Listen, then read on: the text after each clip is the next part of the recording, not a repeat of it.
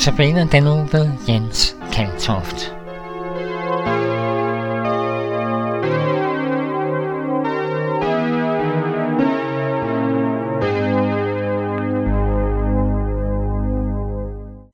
Velkommen til Notabene andagt. Mit navn er Jens Kaltoft. Vi skal nu høre sangen Hør mig herre, sunget af Lea Hansen.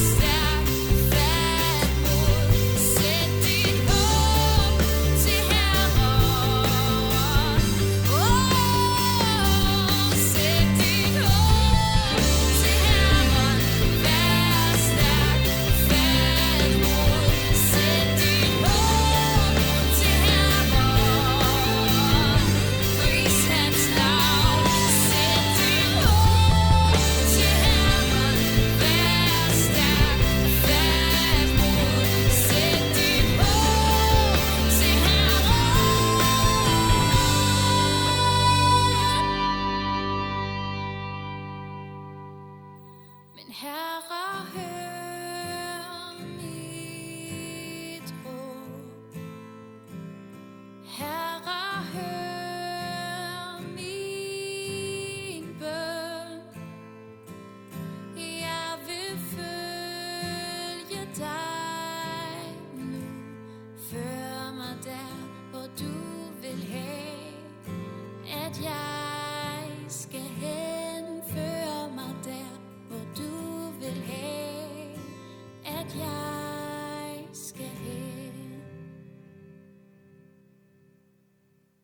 Andagten i dag skal handle om bøn. Jeg vil gerne udfordre dig, der måske aldrig har prøvet at bede. Jeg vil også gerne udfordre dig, der kender bøndens magt, men som måske har mistet noget af frimodigheden til at tro, at Gud han kan ændre en situation. Jeg vil gerne læse nogle af de ord, som jeg holder allermest af, når det drejer sig om bøn. Det er fra Matthæus evangeliet kapitel 7, vers 7 og 8. Og der siger Jesus sådan her, Bed, så skal der gives jer, søg, så skal I finde, bank på, så skal der lukkes op for jer. For enhver, som beder, får, og den, som søger, finder, og den, som banker på, lukkes der op for. Hvad så, når vi måske oplever, at de her ord ligesom ikke holder ud fra vores virkelighed? Når de løfter, som andre glæder sig over, i stedet måske nærmest opleves som en byrde på skuldrene. Fordi døren, du bankede løs på, blev ikke lukket op. Du blev måske ikke rask. Du fik ikke den kæreste eller den ægtefælle, du gerne vil have. Dit liv gik ikke, som du havde håbet på. Og så kan oven i skuffelsen komme frygten, har min bøn været for dårlig? Jeg har jo bedt, men har jeg bedt nok?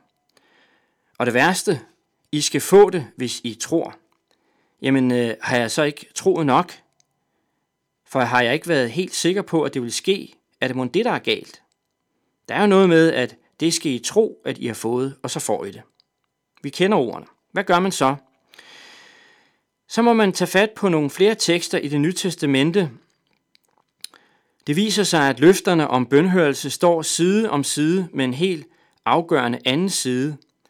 En side, der slet ikke er nogen svækkelse, men tværtimod en befrielse for trætte bedre. I Johannes' første brev står der sådan her – dette er den frimodighed, vi har over for Gud, at hvis vi beder om noget, som er efter hans vilje, hører han os. Det understreger, at ikke alle vores ønsker automatisk er Guds vilje. Vi får det, vi beder om, hvis det er Guds vilje. Det er ægte frimodighed. Så, for, så fik jeg altså ikke nej til det, jeg bad om, fordi jeg bad for lidt, eller troede for dårligt, eller var for usikker på, om det nu ville ske, osv. Jeg får nej, hvis det ikke kan forenes med hans vilje. Og selv Jesus havde det her forbehold, det er det store hvis med i sin bøn. Midt i sin angst i Gethsemane bad han, Tag dette bære fra mig, dog ikke hvad jeg vil, men hvad du vil. Guds vilje var, at lidelsens bære ikke skulle tages fra Jesus. Det samme oplevede Paulus, da han bad om at blive fri fra en torn i kødet, der havde pint ham i lang tid. Det blev den ikke, for Guds kærlige vilje var en anden. Det er altså ikke fordi, du bad for lidt eller du bad for dårligt, at det gik anderledes, end du havde ønsket, men fordi Guds vilje var en anden. Sammen med det her, der er der en ting, jeg har tænkt på, det er, at hvis fokus er min tro, altså vores tro, ret forstået vores bøn, vi fokuserer på, så bliver fokus skævt. Så bliver bøn vores præstation, nærmest vores bidrag til, at Gud han kan gribe ind og ændre nogle forhold. Forventningen til bøndens magt skal ligge hos Gud. Det er ham, der skal gøre noget. Det er ham, der skal gribe ind. Det er ham, der skal helbrede. Det er ham, der skal ændre en situation. Det er ham, der skal genoprette. Det gør jo, at vi kan bede med fuld frimodighed, og ikke skal spekulere i, om Gud nu kan finde på at svare på en måde, som er noget skidt for os. Noget af det, som kan være en hjælp for den trætte beder, det er at klage sin nød til Gud.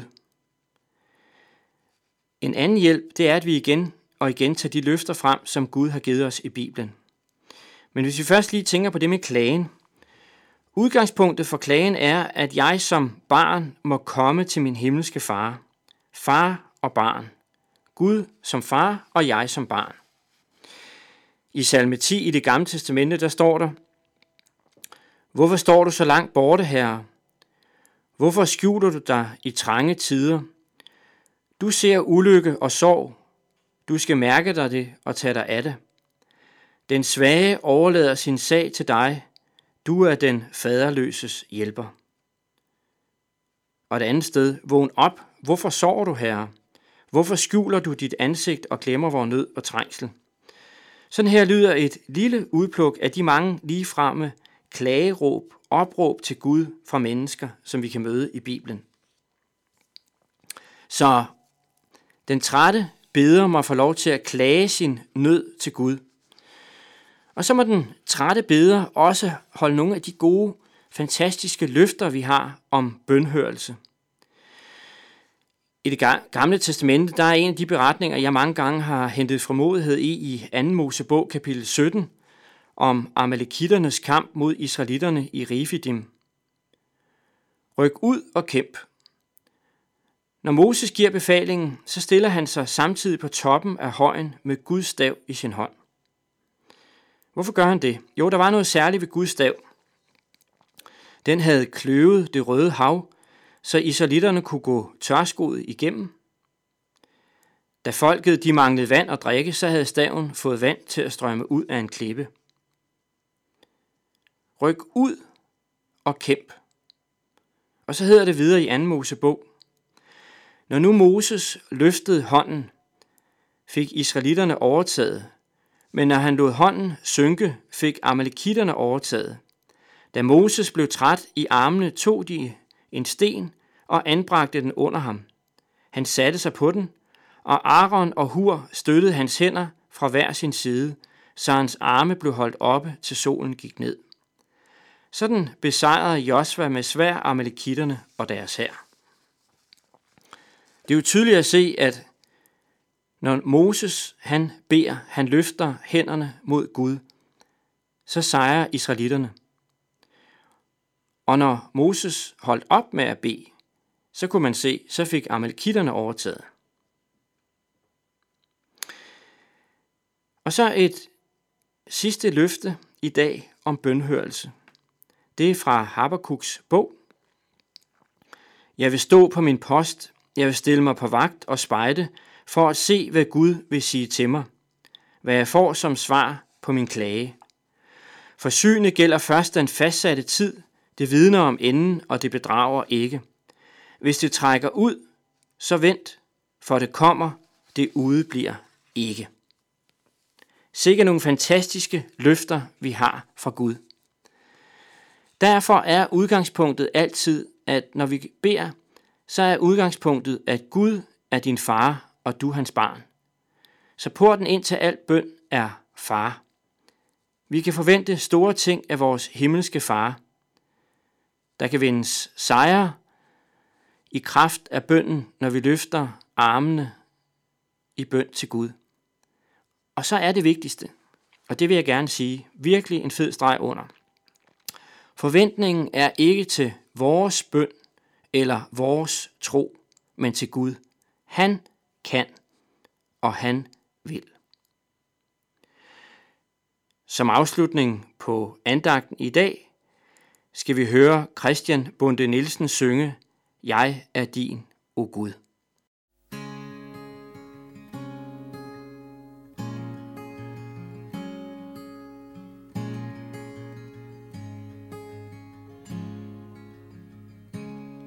Jeg er din, o Gud. Jeg har hørt din røst, hørt dit nåde kald til mig. O, men drag mig nu ved din milde ånd, altid nærmere til dig. Drag mig, drag mig nærmere til dig til dit kors, o oh Herre, kan. Drag mig, drag mig nærmere til dig, til jeg ser dig, som du er. Du må salve mig til din tjener,